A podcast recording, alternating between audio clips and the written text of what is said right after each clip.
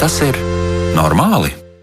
Esiet sveicināti, kā ik svētdienas vakar ar jums kopā Kristiāna Lapiņa, bet par skaņu šovakar rūpēsies Katrīna Bramberga, un mēs atkal esam klāt un esam kopā, lai runātu par to, kā tad ir ar mums pašiem, ar mūsu dzīves kvalitāti gan eh, no psihiskā psihiskās veselības viedokļa raugoties, gan arī e, visādi citādi mēģinot uz to palūkoties. Un arī noteikti klausītājus aicinām iesaistīties raidījuma veidošanā, sūtiet mums kādu savu domu vai jautājumu, vai arī varbūt kādu atziņu vai slēdzienu par kaut ko, un noteikti to jūs varat izdarīt, izmantojot e-pasta adresi, vai tas ir normāli, et Latvijas radio.lv, un varat sūtīt arī ziņas Latvijas radio mājaslapā uzreiz ziņojumu logā pie raidījuma, vai tas ir normāli, un tad uzreiz mēs jūsu ziņu arī ieraudzīsim.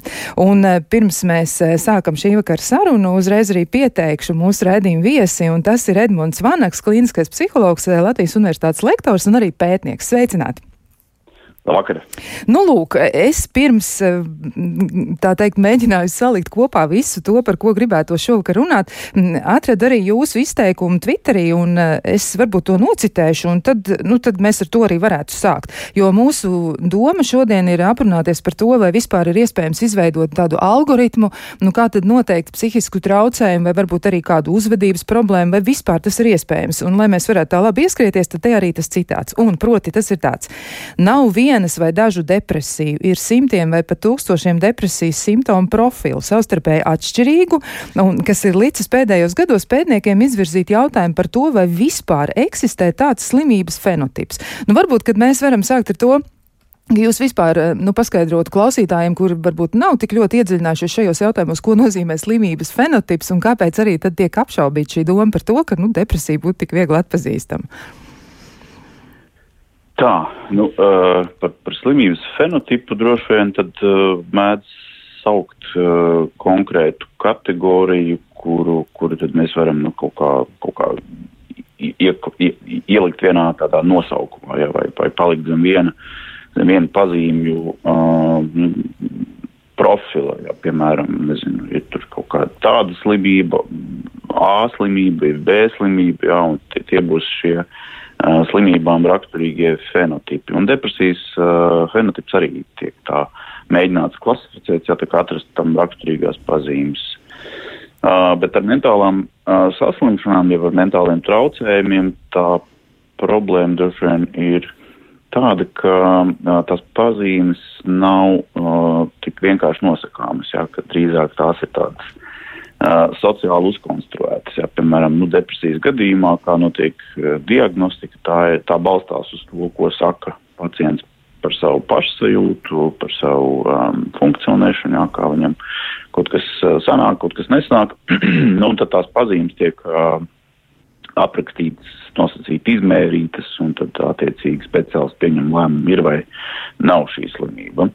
Uh, bet mēs nevaram, piemēram, paņemt kādas asins analīzes vai, vai nezinu, paskatīties, varbūt ieskatīties cilvēku organismā un kādu bioloģisko marķieru paraudzīties, ja kas liecina par to, ka ir depresija. Līdz ar to ar mentālām saslimšanām ir tā lielākā problēma. Tās ko, kopumā ir ļoti grūti diagnosticēt. Tā, tās faktiski tiek diagnosticētas tikai balstoties uz to, ko pacients pats par sevi saka, vai arī varbūt, nu, ko vēl novēro papildu, teiksim, psihiatrs, ja, pacienta funkcionēšanas um, tajā līmenī. Nu, lūk, ar, ar depresijas uh, traucējumiem ir, ir, ir uh, pēdējos gados, varbūt, varbūt nezinu, pēdējos desmit gados ir izvirzījušies tādi jautājumi pētniecībā, ja, vai, vai tā, tās pazīmes, uh, kas līdz šim tikušas uzskatītas, ka tās ir raksturīgas depresijai, vai tās maz ir nu, tik, tik viennozīmīgas un tik uh, vienādas visu uh, cilvēku gadījumā. Ja, dati rāda, ka tā aina ir daudz, daudz neviendabīgāka un ka tiešām var būt dažādi šīs depresijas nu, profilu tādas izpausmes. Ja vien, vienam, piemēram, cilvēkam depresija var izpausties kā nespēks, nogurums, slikta tāda pašsajūta un miega traucējumi. Savukārt otram tā var būt tāda paaugstināta uzbrunātība, tāds nemieris un, un, un, un, un tad pārliek miegainība, ja teiksim, dienas laikā. Ja, tad, tad, tad pretēji profili, bet abi divi attieksies uz vienu to pašu traucējumu grupu. Nu, tā varbūt īsumā.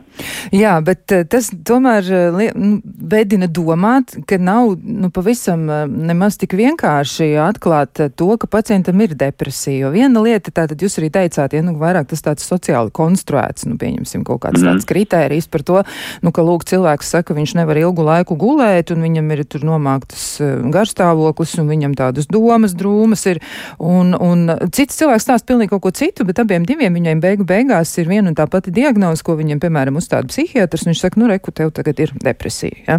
Bet, um, Kāda tas nākas, ka ir tik ļoti dažādas šīs depresijas izpausmes, un vai vispār nu, tāds um, algoritma veidošanas um, nu, plāns, vai tas vispār ir kaut kas izdarāms, un cik tur būtu informācijas jāapkopo tādā gadījumā, kā vispār tas varētu tikt veidots, jo jūs esat arī strādājuši šajā jomā un esat to pētījis un mēģinājis arī ar to nodarboties. Nu, kā tad jums izskatās, vai vispār tas būs izdarāms kaut kad? Nu, grūti teikt, es ar to esmu tiešām ļoti nedaudz nodarbojies vai ar to pētniecību, nu, cik, cik nu man tur ir saistībā ar promocijas darbu nācies to darīt, bet, nu, tad, ja mēs lūkojamies uz tiem pētniekiem, kuri to dara jau daudzus gadus un, un to dara komandās un, un, un, un, un institūtos, tad tie pētnieki nu, izvirs tādus pieņēmumus, ka, ka iespējams tuvākajā nākotnē nāksies pārskatīt šo depresiju traucējumu kategorijas. Ja, un, Un ņemot vērā, ka vismaz pašreiz, pašreizie dati rāda, ka tie profili ir tik daudz, tie patiešām ir simtiem, ja ne tūkstošiem dažādu un atšķirīgu, tad viņi piedāvā nu, izmantot um, tādu individualizētu pieeju, ja, ka katram, katram pacientam, katram, katram cilvēkam, kuram ir kādas grūtības, un kura, kur, kuru simptomi varētu būt saistām ar šiem depresijas traucējumiem, tad viņiem tik tāds izveidots individuālais profils, individuālais simptomu profils un attiecīgi arī piemeklēts nu, vislabākie veidi vai, vai paņēmieni, kas viņam tur palīdz. Jā, vienam varbūt tās ir uh, kāda zāles plus psihoterapija, otram varbūt tikai psihoterapija, trešam varbūt uh, psihoterapija plus kaut kādi sociāli pasākumi, plus varbūt fiziskās aktivitātes un tā tālāk. Jā, tie, tās ārstēšanas iespējas ir droši vien daudz un dažādas. Nu, tā kā droši vien tuvākajā nākotnē, pateicoties tā saucamiem lielajiem datiem, kā to mēdz saukt, ja, tad šobrīd pieejami nu, apkopoti lieli dati da, daudz gadu garumā no pacientu izlasēm, gan, gan, gan Eiropā, gan, gan Amerikas Savienotās valstīs, gan pasaulē, un šos datus analizējot arī varētu atrast tādus iespējami daudzveidīgus paņēmienus un veidus, kā, kā palīdzēt cilvēkiem. Jā, es domāju, iespējams tas ir. Labi, tātad tas tāds nākotnes plāns un cerēsim, ka tas varētu izdoties, un, bet tomēr depresija jau ir vēl joprojām tāda neatpazīta lieta. Varbūt arī, mm -hmm. nu, ja mēs tieši runājam par depresiju šobrīd, varbūt, nu, kas vēl ir eh, piebilstams par to, jo, nu, tomēr pētījumi pēdējo gadu laikā, eh, nu, aizvien sniedz mums jaunu informāciju, un, un daudzas lietas, par kurām mēs esam domājuši iepriekš, ka tas ir tieši tā, ir izrādījušās citādas. Ja? Nu, tā kā, mm -hmm. ka, ka, nu, nemaz tas, kas ir bijis pirms desmit 10 vai 20 gadiem, nu, mums kā gandrīz vai nu, licies, ka šitas nu gan ir absolūti droši, ja, ka tagad tas mūsdienās tā vairs nav.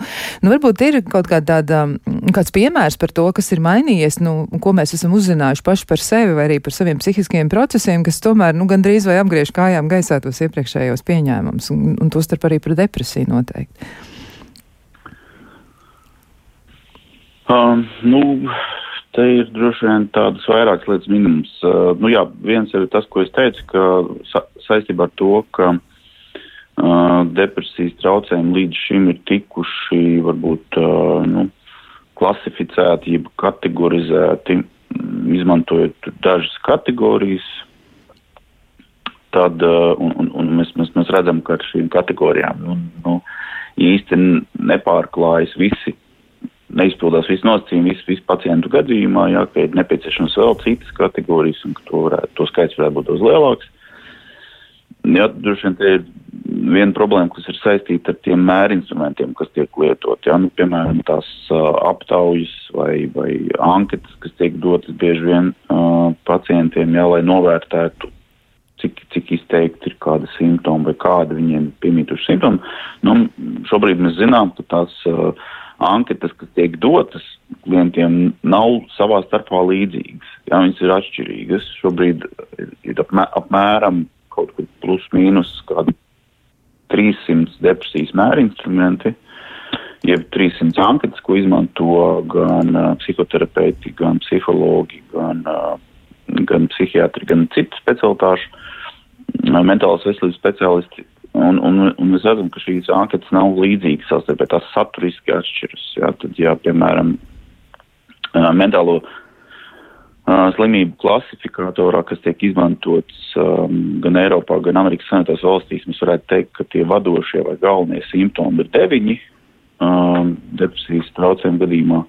Tad apkopojot visu izmantoto instrumentu, simptomātiku, mēs redzam, ka to simptomu skaits ir īstenībā 52, nu, vai vismaz 52, varbūt ir pat vairāk. Tā tad nu, tās vadlīnijas, kuras izmanto speciālisti, patiesībā sakot, ir, ir, ir nu, visai, visai sašaurina ja, speciālisti iespējas vispār novērtēt vai diagnosticēt uh, pacienta stāvokli. Nu, tas būtu droši vien viens, kas ir tāds pēdējo varbūt, laiku atklājums, ja, ka tie instrumenti, ko mēs izmantojam, īstenībā mēra to, to, to to lietu atšķirīgi. Tas būtu līdzīgi, kā ja mēs izmantotu dažādus eh, metramērus. Jā, tad viens izmanto metramēru, kurā ir centimetri, otrs izmanto, kurā tur ir varbūt kaut kādas citas mērvienības, trešais vēl kaut kāda un tā tālāk. Un, un varbūt otra tāda, nu, varbūt nozīmīgākā vai būtiskākā problēma, kas ir saistīta un arī pēdējos gados ir varbūt par to vairāk diskutēts, zinātnieku vidū ir, ir par, eh, par to, ka nav neviena depresijas simptoma. Tad, nu, pieņemsim, pat ja, pat ja depresiju mēs varētu raksturot ar deviņiem simptomiem. Nu, piemēram, viens no simptomiem ir um, tātad nomākts garstāvoklis. Ja? Tas būtu mm -hmm. tipisks, tipisks depresijas simptoms. Jā. Uh, un tad šis simptoms nav specifisks depresijai, respektīvi, vai citiem vārdiem sakot, tas nav tikai depresijai raksturīgs simptoms. Jā, šāds simptoms arī ir raksturīgs, piemēram, posttraumatiskā stresa sindromam. Tāds sindroms arī ir raksturīgs citām mentālām saslimšanām. Un citiem varam sakot, neviens no depresijas deviņiem simptomiem nav tai specifisks. Jā, tikai šo simptomu kopums varbūt var, nu, tiek nosaukts par depresiju. Bet īstenībā katrs no šiem simptomiem var izpausties arī kaut kādu citu traucējumu gadījumā.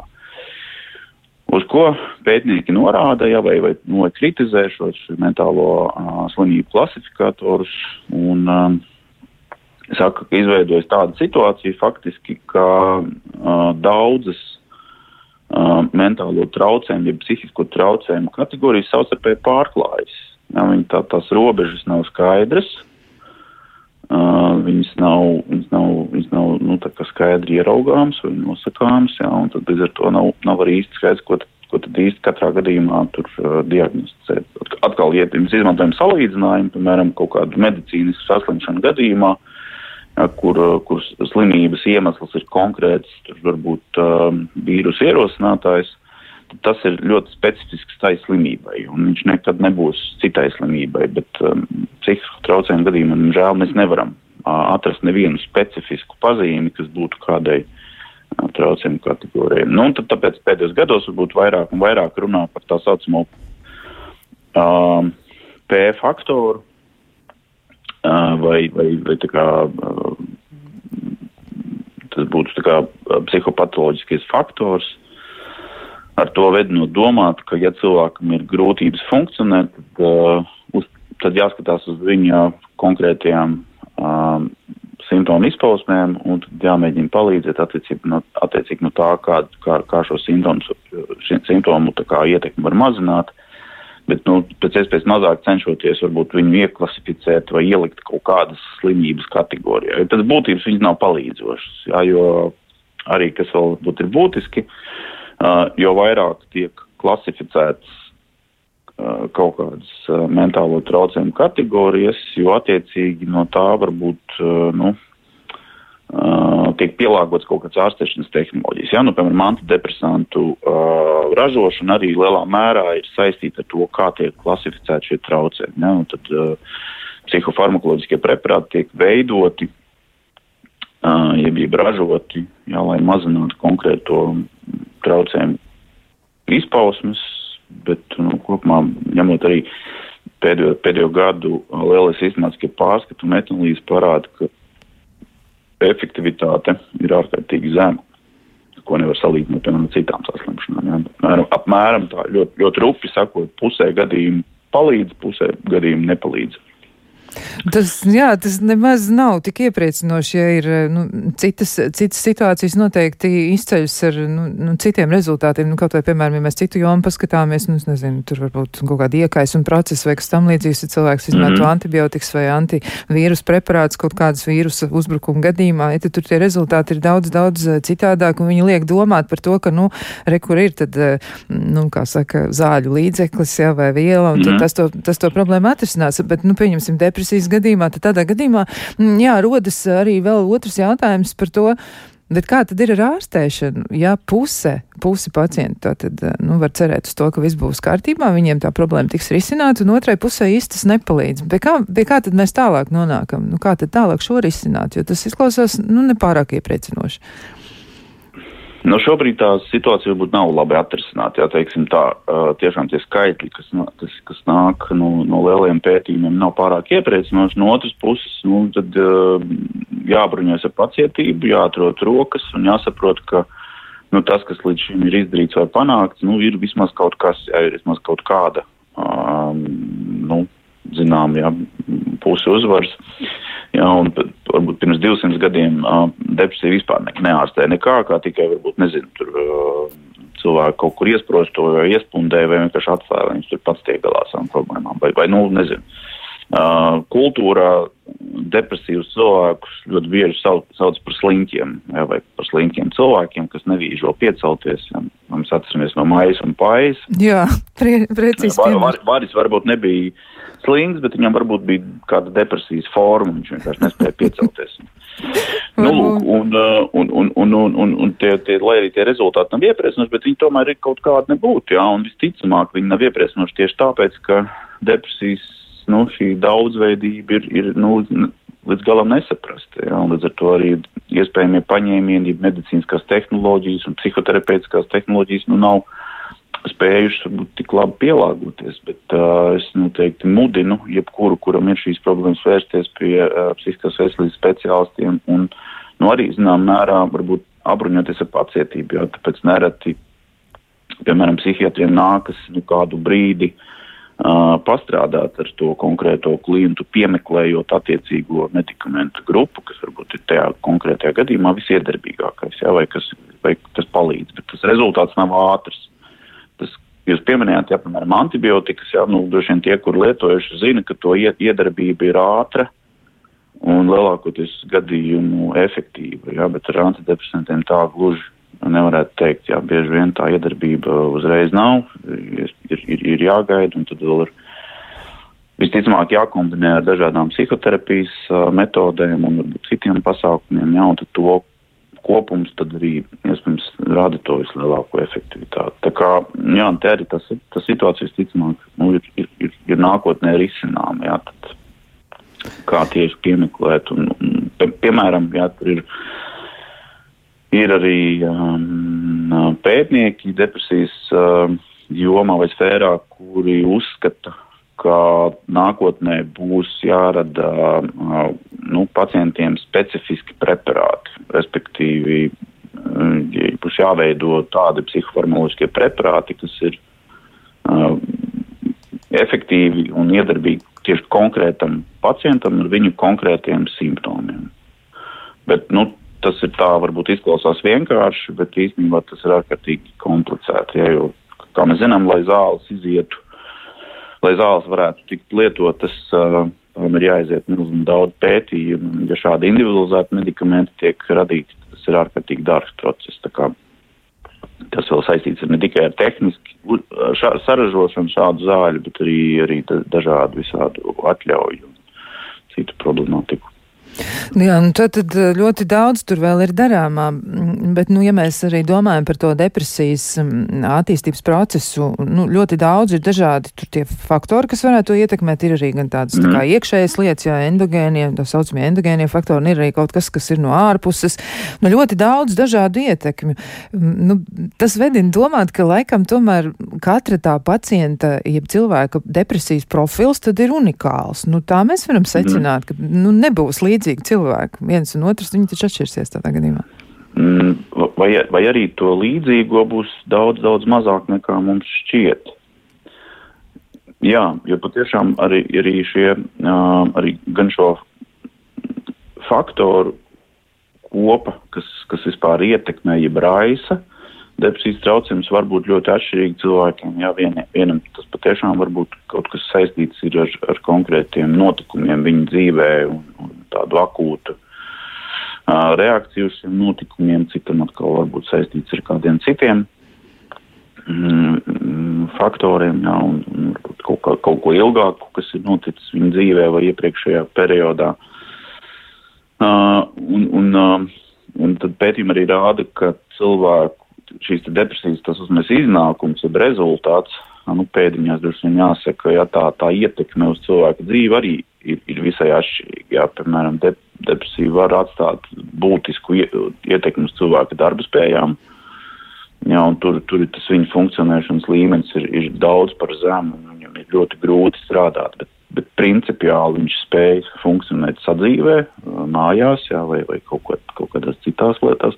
Un atkal otrādāk, ja kāds varbūt ar depresiju var, varbūt mēs zinām arī no pieredzes, ja, ka cilvēks ir gatavs iet uz darbu no rīta līdz vakaram, strādāt sestdienās, svētdienās, lai tikai nebūtu jāpaliek vienam ar savu šo nu, nepanesamības sajūtu, bet mājās viņš nespēja uzturēties un viņam ir grūti funkcionēt, socializēties ar citiem jā, un tā tālāk, jā, veidot attiecības. Tā kā arī tā ietekme ir, ir ar, ar, ar daudzām sejām, ja tā varētu teikt. Un attiecīgi arī tad, um, nu, savu, veido tādu atgriezenisko efektu jā, uz cilvēku funkcionēšanu kopumā. Jo arī, kas ir svarīgi, tad um, pēdējos gados par, par, par, um, par depresijas pētniecības arī tādām aktuālām lietām runājot, varētu teikt, ka um, um pētnieki apšauba, vai uh, depresija ir um, vai, vai depresija ir kaut kāds viens cēlonis. Nu, tāds, piemēram, ja, kā mēs iepriekš minējām, kādu piemēru, tur kāda vīrusu saslimšana izraisa konkrētu organismu saslimšanu, un, un, un tās, tās, tās izpausmes šai vīrusu saslimšanai var būt ļoti dažādas. Ja, piemēram, cilvēkam var būt gan iesnas, gan galvas sāpes, gan apgrūtināta elpošana, ja nespēks, nogurums un tā tālāk. Un tie visi ir simptomi. Un to visu simptomu galvenais cēlonis ir šī vīrusu saslimšana. Savukārt, un, un, un tā ir pieredze arī domāt par depresiju. Ja, ka depresijas uh, traucējums izraisa kaut kāds latentais faktors, ja nezināmais cēlonis, kas tad ierosina to, tos dažādos simptomus. Tur, um, nezinu, uh, bēdīgumu, jā, skumjas, tādas neizprotams nogurumu, miega traucējums, apetītes izmaiņas un vēl kaut ko, vēl kaut ko. Un tad pētnieki apšauba, ka depresijas gadījumā ir šāds latentais faktors, ir viens cēlonis, kurš to izraisa, bet uh, drīzāk uh, depresijas traucējumi ir šo simptomu savstarpējā miedarbība. Citiem vārdiem sakot, tas notiek tā, piemēr, piemēram, uh, nu, tad, uh, šajā depresijas sākotnē, ir tad, kad tā sākās, uh, man, man pirmais simptoms, kas man parādās, ir miega traucējumi. Jā, es sliktāk izguļos, es vienkārši iemiegu tādu nemieru sajūtu, man ir grūti iemigt, un, un lai arī es gulētu aizēju laiku, laikus, piemēram, 11 bet aizmigt nevar. Un aizmiegu varbūt ap pūkstens diviem. Un, bet jāceļās uz darbu, ir septiņos un jābrauc un jādara lietas. Nu, un, ja es esmu aizmidzis divos un, un ceļos septiņus, tad skaidrs, es esmu gulējis nepietiekami. Un uh, pamostos no rīta jau ar tādu jau um, nu, attiecīgo garstāvokli, ka šodien visu dienu būs jāpavada ar tādu noskaņojumu. Un šādi hroniski vai, vai vairākas nedēļas dzīvojot, varbūt nepietiekami izguļoties, jā, man, man rītos sāk veidoties attiecīgs noskaņojums vai garstāvoklis, ko varam raksturot atkal ar nākamo simptomu, jā, tāda nomāktība un tā, tāda, tā kā, nu, um, bezspēcība, jā, tā kā tāda sajūta, ka netiks galā ar to, kas man uzticēts. Tas savukārt raisa uh, nākamo simptomu, jeb, jeb, jeb ierosina nākamo, nākamo simptomu kas saistīts ar manu, man, manu funkcionēšanu, jā, piemēram, nu, tāda nepārliecinātība par savām iespējām nākotnē, tādām šaubām, vai es tiešām varu tikt ar visu galā un vēl kaut ko. Tas savukārt atkal raisa man domas par to, vai es vispār esmu kā personība, nu, pašpietiekama, pašefektīva. Jā, varbūt man ir kaut kas, manī ir kaut kas tāds, ka es te netieku galā ar lietām, ar kurām man mani kolēģi tiek tīri labi. Galā. Un tad tas savukārt raisa man tādu hronisku vai paaugstinātu trauksmes sajūtu. Ja, ka man, piemēram, visu laiku ir tādas bailes, ārprāts es atkal darīšu kaut kādu nākamo lietu, un, un tā man nesanāks. Ja. Un man sāk trīcēt rokas, un, un, un šai trauksmes sajūtai paliekot tādai, tādā hroniskā līmenī, man atkal vakarā ir grūti iemigt, un viss cikls sāks no gala. Jā, tad es varbūt tagad tā drusku vienkāršojot un vulgarizējot tā, tā izmantojot 4-5 simptomus parādīt to aborto loku, bet tieši tā tas varbūt arī strādā. Ja, ka tie depresijas simptomi nav saistīti ar vienu cēloni, bet viņi savstarpēji viens, vien ot, viens otru izraisoši. Un viņi viens otru izraisot rada šo uh, stāvokli, kuru mēs varam raksturot kā tādu vispārēju depresiju. Ja, man ir man ir grūti iemigt, man, un, un tad varbūt iespējams mainās apetīti, un ja es mazāk ēdu vai vairāk ēdu, man mainās svars, un to es pamanu, jā, vai to pamanu man apkārtēji, un tas vēl vairāk ietekmē manu uh, pašsajūtu. Tā, tā. Nu, tā, tā, kā, tā kā arī tāda ir hipotēze šobrīd, ka, ka depresijas traucējumi nav viss saistīti ar kādu vienu latento mainīgu vai faktoru, vienu izraisītāju, bet drīzāk tas ir kaut kādu simptomu kopums, kas viens otru, nu, ja tā varat izteikties, pabaro, jeb, jeb, jeb rosina, jā, un tad uh, šim, šim ciklam uh, saglabājoties, izveidojas tās, tās tāds, tas saucamais uh, atraktora stāvoklis, uh, no kura grūti cilvēkam pašam patstāvīgi izkļūt. Atraktora stāvoklis, tas nozīmē, ka simptomi ir sasnieguši tādus tā kā sliekšņus, uh, virs kuriem cilvēkam ir grūti funkcionēt, bet kuri pa, paši no sevis tie simptomi nemazinās. Jā, viņi viens otru tā kā uztur. Un tas simptomu tīkls, tāpēc arī mēdz arī šo, šo traucējumu pētīt ar tā saucamiem tīkla veida struktūru modeļiem. Jā, tad šis simptomu tīkls man, manī dzīvo, manī ir pietiekami pašpietiekams un pat arī beidzoties uh, ārpusē kaut kādam uh, sākotnējam, varbūt ierosinātājiem, piemēram, ja kaut kāda, nezinu, esmu zaudējis kādu tuvinieku, vai varbūt uh, zaudējis darbu, vai, vai varbūt vēl kaut kādas citas izmaiņas manā dzīvē ir bijušas. Pat, pat šim uh, faktoram pazūdot, man vienalga šis atraktora stāvoklis saglabājas, un es tādā varu atrasties pietiekami ilgi, tik ilgi, lai tas nozīmīgi ietekmētu to, kā es dzīvoju, kā es funkcionēju, kā es spēju ar citiem cilvēkiem sarunāties, kā es spēju pildīt ar darbu saistītos, ar ģimeni saistītos pienākumus un tā tālāk. Jā, nu tā tad visnotaļ sarežģīti. Jāsaka, tā simptoms uztur pats sevi, ja viens otrs trešais, un tad viņi tur tā savstarpēji sadarbojas, miedarbojas. Nu, jā, jā, tā varētu teikt, ka viņi, viņi, viņi sadarbojas. Jā, diezgan nu, nelāgā veidā, bet um, nu, jāmēģina tomēr ar to kaut kā būs tikt galā un jāmēģina arī atrast tā gaisma, um, kas tur tunelī otrā pusē varētu būt. Bet uh, jā, mums vēl ir diezgan daudz jautājumu, ko uzdot Edmundam Vanagam, tos mēs noteikti arī uzdosim, bet to mēs visu darīsim pēc ļoti, ļoti īsa brīža.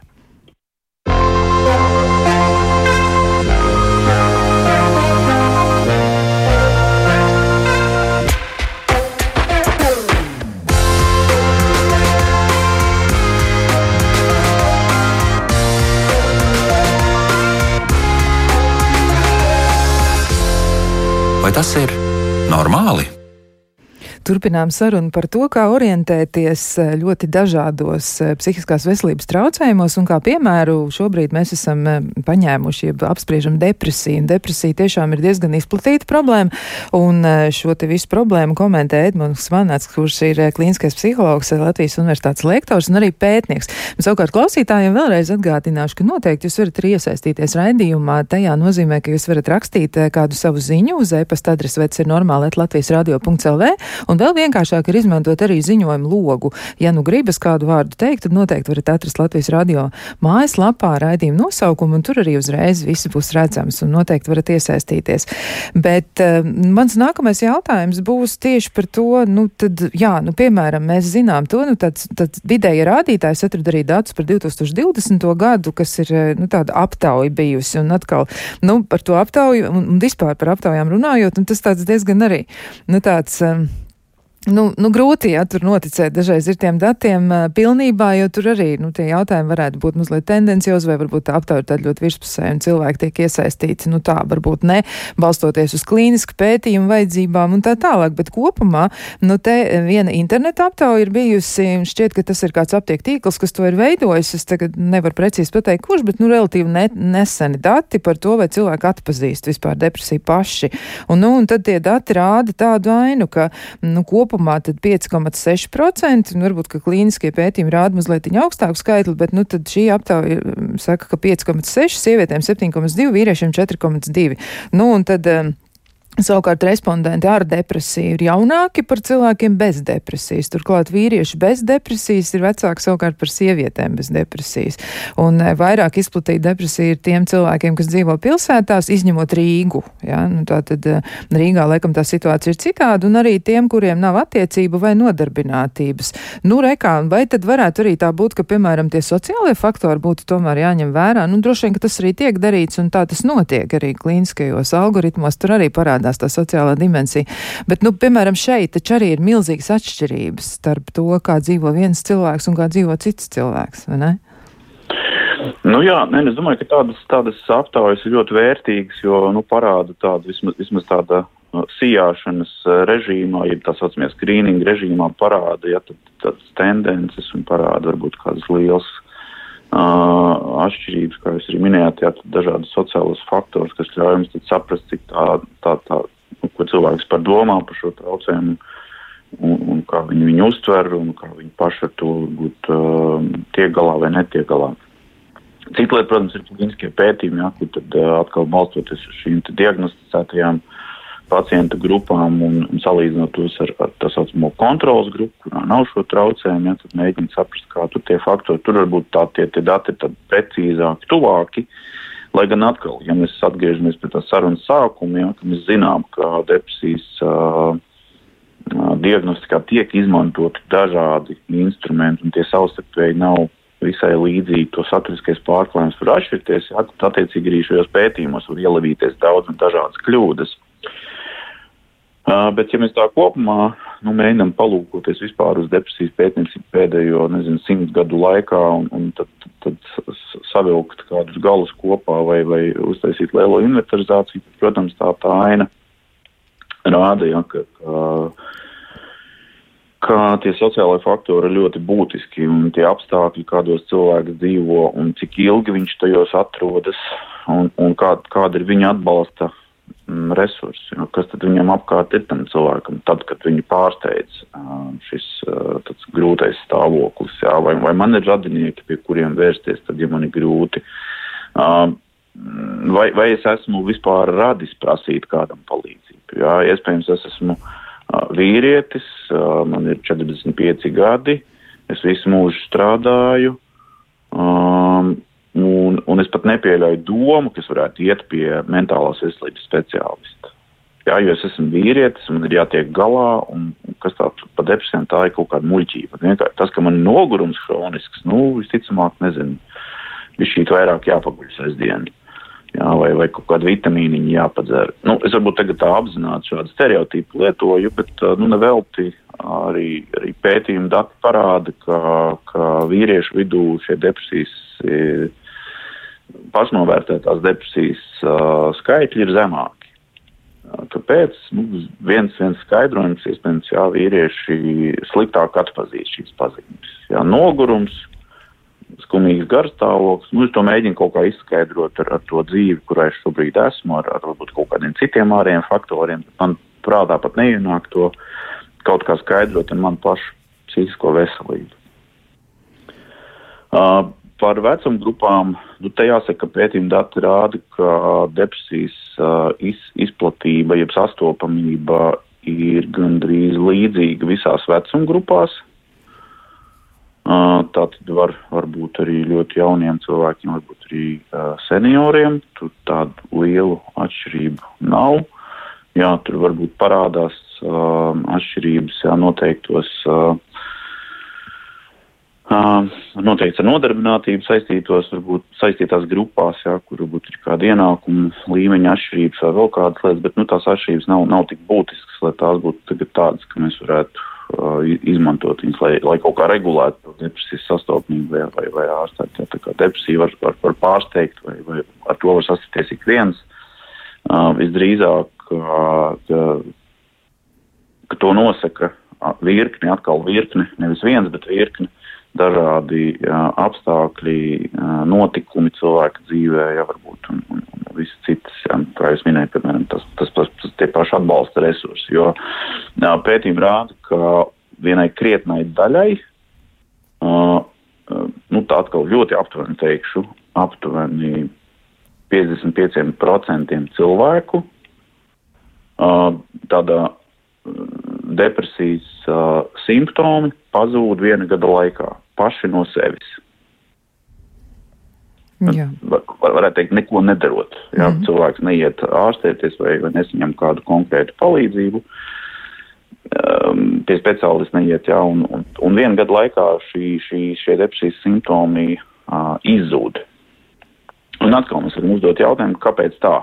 Tad, uh, kas tad tur ir noticis tāds, jā, tur, tur atkal ir vairākas hipotēzes par to, kāpēc tas tā notiek, bet no viena varbūt no vadoša vai, vai darba hipotēzēm ir tāda, ka ja cilvēkam ir gana labi uh, atbalsta resursi viņa dzīvē, uh, viņš ir pieredzis vai, vai, vai, vai radis par savu psihisko veselību rūpēties, tad ar, šo, šo stāvokli viņš, nu, varbūt ne pārāk, ne visos gadījumos, bet, nu, nu pie, pie nosacīt, uh, varbūt smaguma um, līmeņi, viņš ar to var tikt galā.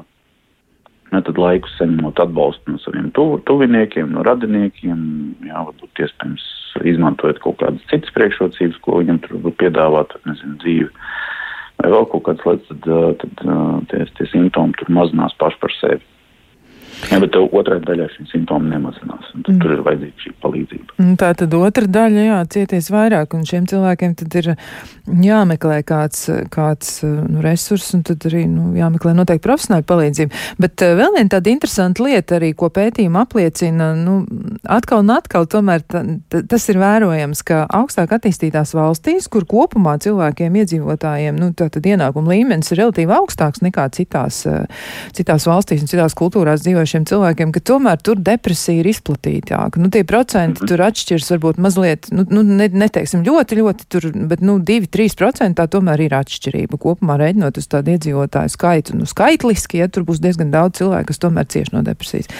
Nu, kā tas būtu izskaidrojams? Nu, ar ko mēs tad, tad esam spiest rēķināties? Kāpēc tā notiek? Vai tāpēc, ka tur ir vairāk cilvēku, kas izvēlas dzīvot vienu, jo, man liekas, Visam nesen es lasīju vienu pētījumu arī par Vācijas iedzīvotājiem. Šķiet, ka viena piektā daļa Vācijas iedzīvotāji dzīvo vieni. Viņiem ir tāda ļoti, ļoti, nu, tāda, nu, pašorganizēta dzīve. Viņi mm. cenšas neveidot saites ar citiem vai arī kaut kādu apstākļu spiest. Viņi dzīvo vieni paši. Kā tas ir? Kāpēc tāda atšķirība? Mazāki ienākumi un tomēr depresija ir mazāka un augstāka ienākuma un vairāk?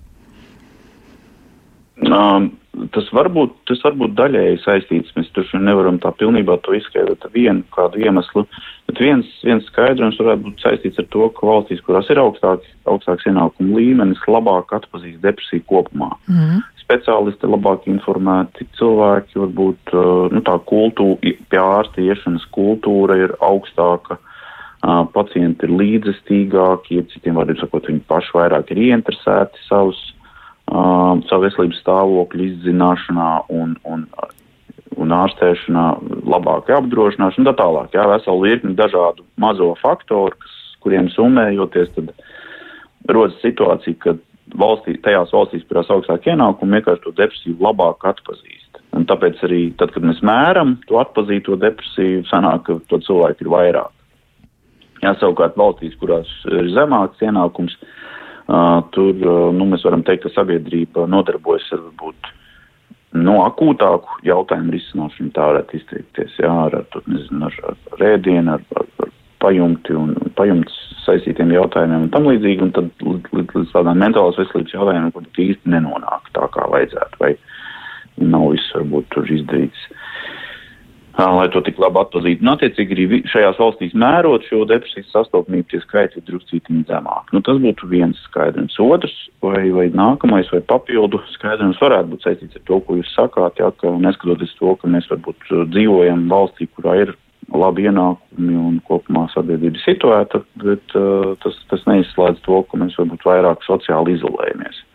Vai, vai nu, tas dzīvesveids ir kļuvis tāds, ka mēs varam vairāk um, nu, vai, vai arī ilgāk funkcionēt uh, tiešā veidā nesatiekoties ar citiem, jā, mazāk veidojot kontaktus, um, vairāk izmantojot tehnoloģijas, kas mums rada uh, bieži vien varbūt ilūziju, jā, vai, vai tādu nu, vieglu ilūziju par to, ka mēs, mēs esam ļoti sabiedriski aktīvi un tā tālāk. Jā. Un, un tad, ka man nāk prātā viens cits pētījums senioru populācijā, uh, jo arī, piemēram, nu, veciem cilvēkiem depresijas sastopamība ir ļoti augsta, īpaši uh, pēdējos dzīves gados. Jā, tad, tad tie skaitļi arī ir diezgan, uh, nu, tā, nu, kā lai teikt, uh, Uz to būtu jāvērš uzmanība, ja, ka, ka, ka te jau 60% cilvēku pēdējā dzīves gadā izjūt ļoti augstu depresijas līmeni. Tas nozīmē, ka cilvēki uh, īsti pirms nāves jūtas ļoti slikti, un tam būtu jāpievērš uzmanību. Uzmanībā, un, un, un tad pētījumi mēģināja saprast, kāpēc vai kas nosaka to, ka dažiem senior, senioriem ir šie, šie depresijas simptomi augstāk un citiem nav. Tad viens no faktoriem, kas diezgan labi izskaidroja lielāko daļu, bija saistīts ar to, kur dzīvo seniors. Jā, tad tie seniori, kas dzīvo vieni paši un kurus reti apmeklē radinieki vai neapmeklē nemaz, tad tiem šo depresijas simptomu līmenis bija visaugstākais. Savukārt tie seniori, kur dzīvoja kādā, kādā uh, kopienas mm, vidē, jā, piemēram, tur kopā ar citiem vai ar ģimeni vai, vai, vai kādā tur ārstniecības iestādē pat arī jā, ar citiem cilvēkiem, un tur tas socializācijas līmenis ir daudz augstāks, ja viņu depresijas simptomi bija zemāki. Tātad tas, es domāju, vien, ir jau tāds viens diezgan būtisks faktors, kas liek mums domāt, jā, vai aizdomāties, ka šī ka mēs esam sociālas būtnes. Jā, kā, kā mēdz teikt, pirms, pirms 50 gadiem mēs esam sociāli dzīvnieki, mums ir vajadzīgs, šīs, vajadzīgs kontakts ar citiem cilvēkiem, tas mums ir vitāli nepieciešams. Jā, ne tikai tāpēc, lai izdzīvotu, bet arī, lai mēs mentāli justos stabilāki, veselāki, priecīgāki. Jā, jo es, iespējams, kopā atrodoties kopā ar citiem cilvēkiem, es, es pats jūtos spēcīgāks. Jā, es, jūtu, es jūtu, ka es varu daudzas lietas risināt un atrisināt. Tas būtu tāds viens varbūt faktors. Nu, lūk, tā kā, jā, iespējams, ka valstīs, kurās ir augsti ienākumi, uh, tos individus, kuriem ir depresija, vienalga tie augsti ienākumi un labā, nu, dzīve viņus nepasargā, ja viņi ir sociāli izolēti. Ja viņi dzīvo varbūt mēnešiem ilgi viens pats un vienīgā viņa socializācija ir aizie, aiziešana uz veikalu. Bet atkal, ja mēs tagad atceramies neseno Covid periodu, jā, kad daudz bija spiesti dzīvot izolācijā. Tad tas ir kaut kāds arī jā, tāds um, situatīvs faktors, kas var ietekmēt, var palaist jā, šos depresijas traucējumus izpausmes. Jā, tā tad nopietna lieta, un liekas arī, ka cilvēkiem, kuri ir eh, nu, tādas jau nu, tādas nopietnas gadus sasniegušiem, teiksim, tādā nobriedušā vecumā, liekas arī, ka mēs eh, tiešām pārāk maz pievēršam uzmanības tam, kā viņi jūtas. Un, -hmm. un, un Skandināvijas valstīs, eh, ja nemaldos, arī pavisam nesen tāda iniciatīva ir parādījusies arī šur un tur ir tādas kopienas mājas, kur ir dažādi vecuma cilvēki, var īrēt dzīvokļus, un tad viņi arī nu, ir aicināti rūpēties viens par otru, un izskatās, ka tie rezultāti ir diezgan labi Jo, ja tā, nu, tā pamata ģimene, tāda forma, kāda ir bijusi kādreiz, ja tā vairs nav sastopama gandrīz, jo nu, tagad jau dzīvo cilvēki kopā tikai, laikam, divas paudzes bieži vien ir vecāki un bērni. Mm. Paplašinātā mm -hmm, ģimene jā. jau vairs nu, tā nav, nav tik bieži sastopama. Jā, nu vēl viens tāds labs jautājums arī par to, cik lielā mērā depresija varētu būt saistīta vēl ar kaut ko citu, un vai tas vēl nesarežģīja arī depresijas gan diagnosticēšanu, gan ārstēšanu, jo viens no klausītājiem raksta, nu, viņam tādu piezīmi, ka. Mm, Vīnā ir patiesība, jā, in vīno veritas. Plīnijas jaunākais ir nācis klajā šādu atziņu, un viņš rakstīja, ka labākais līdzeklis pret depresiju ir vīns, nu, kā viņš raksta saprātīgās devās, jo viņš pārbaudīs un viņam šķiet, ka darbojas. Bet alkohola lietošana arī varētu būt ļoti izaicinoša depresijas gadījumā, jo alkohols jau pēc savas būtības ir depresants, ja rāda tāds depresīvs efekts, varbūt tā. Jā, tieši tā. Narkologi saka, ka alkohols ir depresants.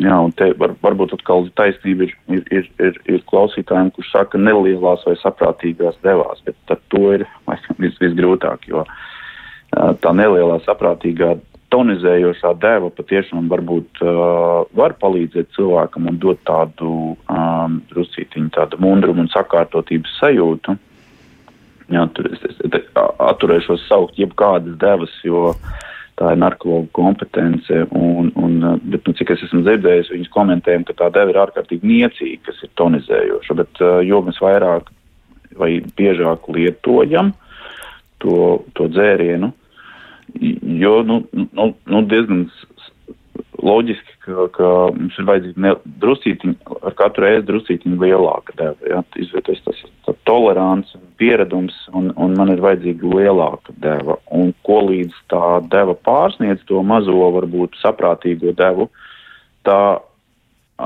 tā, tās vielas, kas atrodas dzērienos, kļu, tad ietekmē mani pretējā virzienā. Jā, es kļūstu tieši depresīvs. Jā, kādu brīdi tā, tā ietekmē, vai tas efekts ir tāds pats, pacilājošs, man liekas, ka mans, mans problēmas ir drusku sakārtojušās un tā, bet, bet ilgtermiņā tas tomēr tik, tas tā nestrādā. Jā, un, un attiecīgi izveidoties man atkarība, man vienkārši jā, jālietojas un lielāku un lielāku tēvu. Tad, tad rodas citas problēmas.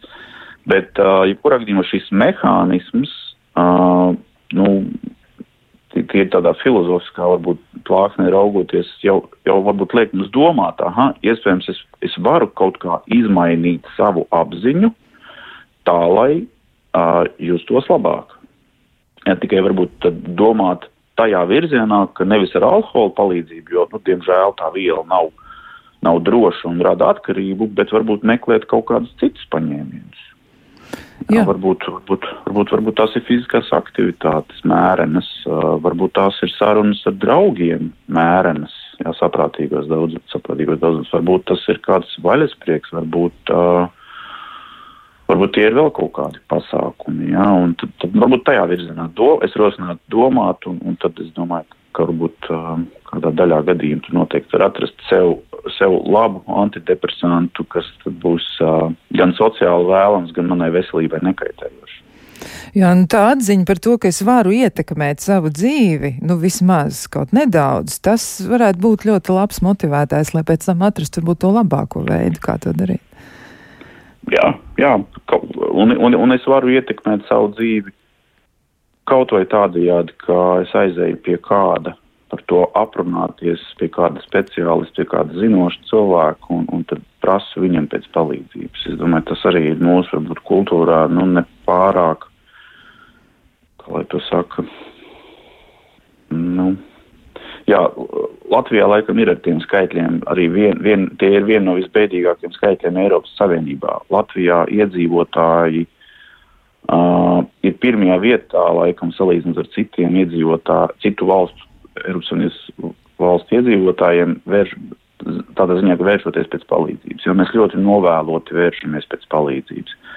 Iespējams, tas ir saistīts ar kaut ko, kas ir mūsu kultūrai rakstīts, iespējams, tas ir saistīts ar vēl varbūt kādu tradīciju, iespējams, tas ir saistīts ar tādu, nu, varbūt zemāku uzticēšanos jau speciālistiem vai mentālās veselības. Es nezinu, tur ir daudz dažādu iemeslu, tur nav viens iemesls, bet, um, bet pētījumi tomēr rāda, jo ātrāk, laicīgāk es vēršos pie kāda pēc palīdzības, jo labāks ir iznākums.